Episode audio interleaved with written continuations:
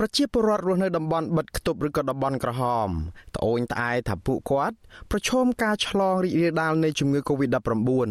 ស្របពេលដែលអាជ្ញាធរអនុវត្តវិធានការសុខាភិបាលមិនបានត្រឹមត្រូវ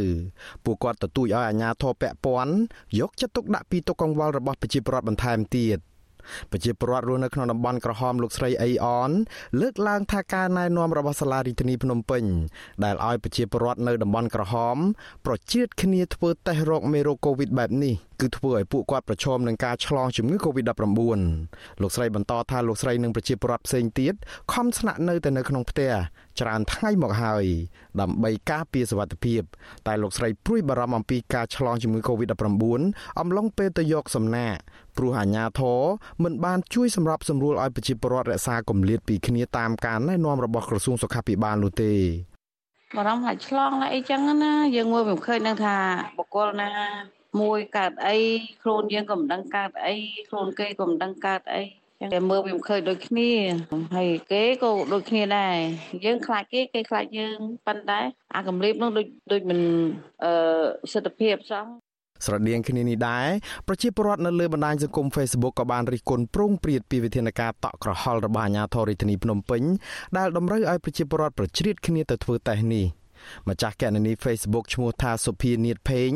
លើកឡើងថាខ្ញុំនៅផ្ទះជិត2ខែទៅហើយឲ្យទៅឲ្យគេចម្លងមេរោគមែនទេរត់ដូចជាប្លែកប្លែកមិនទេមិនឲ្យជួបជុំប្រមូលផ្ដុំតែហៅឲ្យទៅជួបជុំប្រមូលផ្ដុំ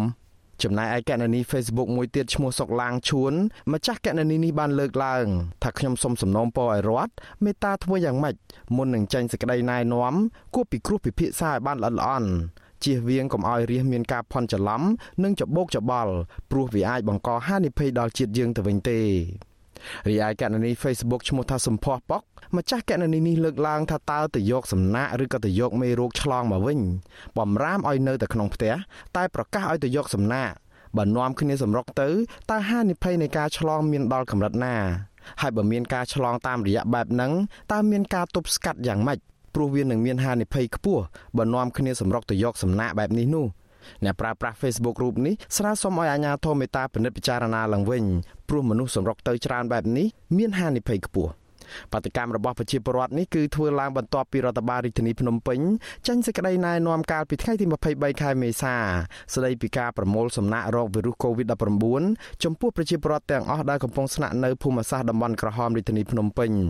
ក្នុងសេចក្តីណែនាំរបស់រដ្ឋបាលរាជធានីភ្នំពេញក៏អមដោយសារគម្រាមខាងផ្លូវច្បាប់ដែរដោយថាប្រសិនបើប្រជាពលរដ្ឋណាម្នាក់មិនព្រមសហការឬកិច្ចវេះមិនទៅយកសំណាក់ធ្វើតេស្តតាមការណែនាំនឹងត្រូវទទួលទោសដោយជាមានកំណត់នៅក្នុងច្បាប់ស្តីពីការទប់ស្កាត់ជំងឺ Covid-19 ក្រោយការប្រកាសនេះប្រជាពលរដ្ឋបាននាំគ្នាសម្រុកទៅធ្វើតេស្តនៅក្នុងស្ថានភាពប្រមូលផ្ដុំដែលមានហានិភ័យខ្ពស់នៅក្នុងការចម្លងជំងឺ Covid-19 នេះ។ ក្រៅពីបញ្ហានេះប្រជាពលរដ្ឋកំពុងនៅក្នុងតំបន់ក្រហមក៏ត្អូញត្អែដែរថាពួកគាត់មួយចំនួននៅតែមិនទាន់ទទួលបានជំនួយឧបត្ថម្ភពីរដ្ឋាភិបាលតាមការប្រកាសសន្យានោះទេកម្មកររោងចក្រម្នាក់ដែលកំពុងរស់នៅតំបន់ក្រហមលោកស្រីច័ន្ទសុភ័ណ្ឌលើកឡើងថាលោកស្រីនៅក្នុងបន្ទប់ជាច្រើនថ្ងៃមកហើយនឹងមិនមានស្បៀងអាហារហូបចុកគ្រប់គ្រាន់នោះទេ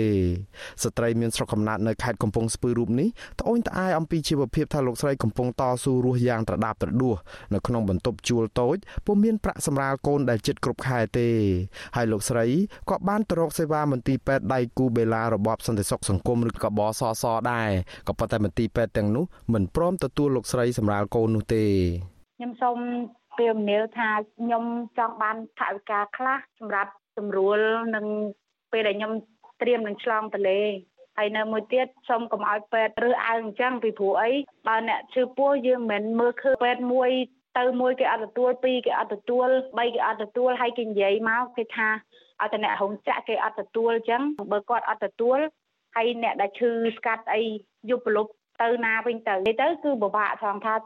ស្លាប់ហ្មងបើឈឺខ្លាំងធ្ងន់ធ្ងរអីបើរើសអើងរោងចក្រចឹងចឹងហ្នឹងតើតើនឹងករណីនេះអាស៊ីសេរីមិនអាចតកតងប្រធានអង្គភិបនាំពាក្យរដ្ឋាភិបាលលោកផៃស៊ីផាននិងអភិបាលរាជធានីភ្នំពេញលោកខួងស្រេងបានទេនៅថ្ងៃទី25ខែមេសា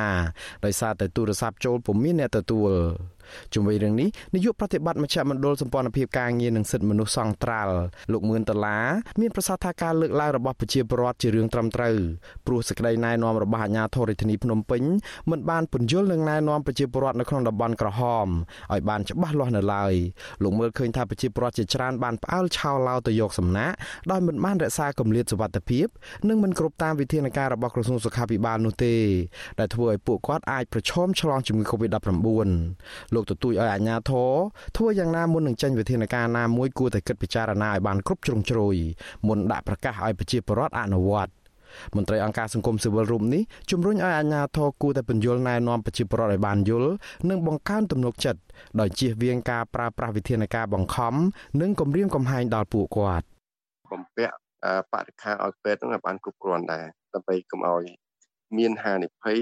ទៅដល់អ្នកដែលគ្នាអត់មានហើយបើស្អីតែយើងឃើញពេទ្យតែអត់បានដូរស្រោមដៃអញ្ចឹងយើងវាពិបាក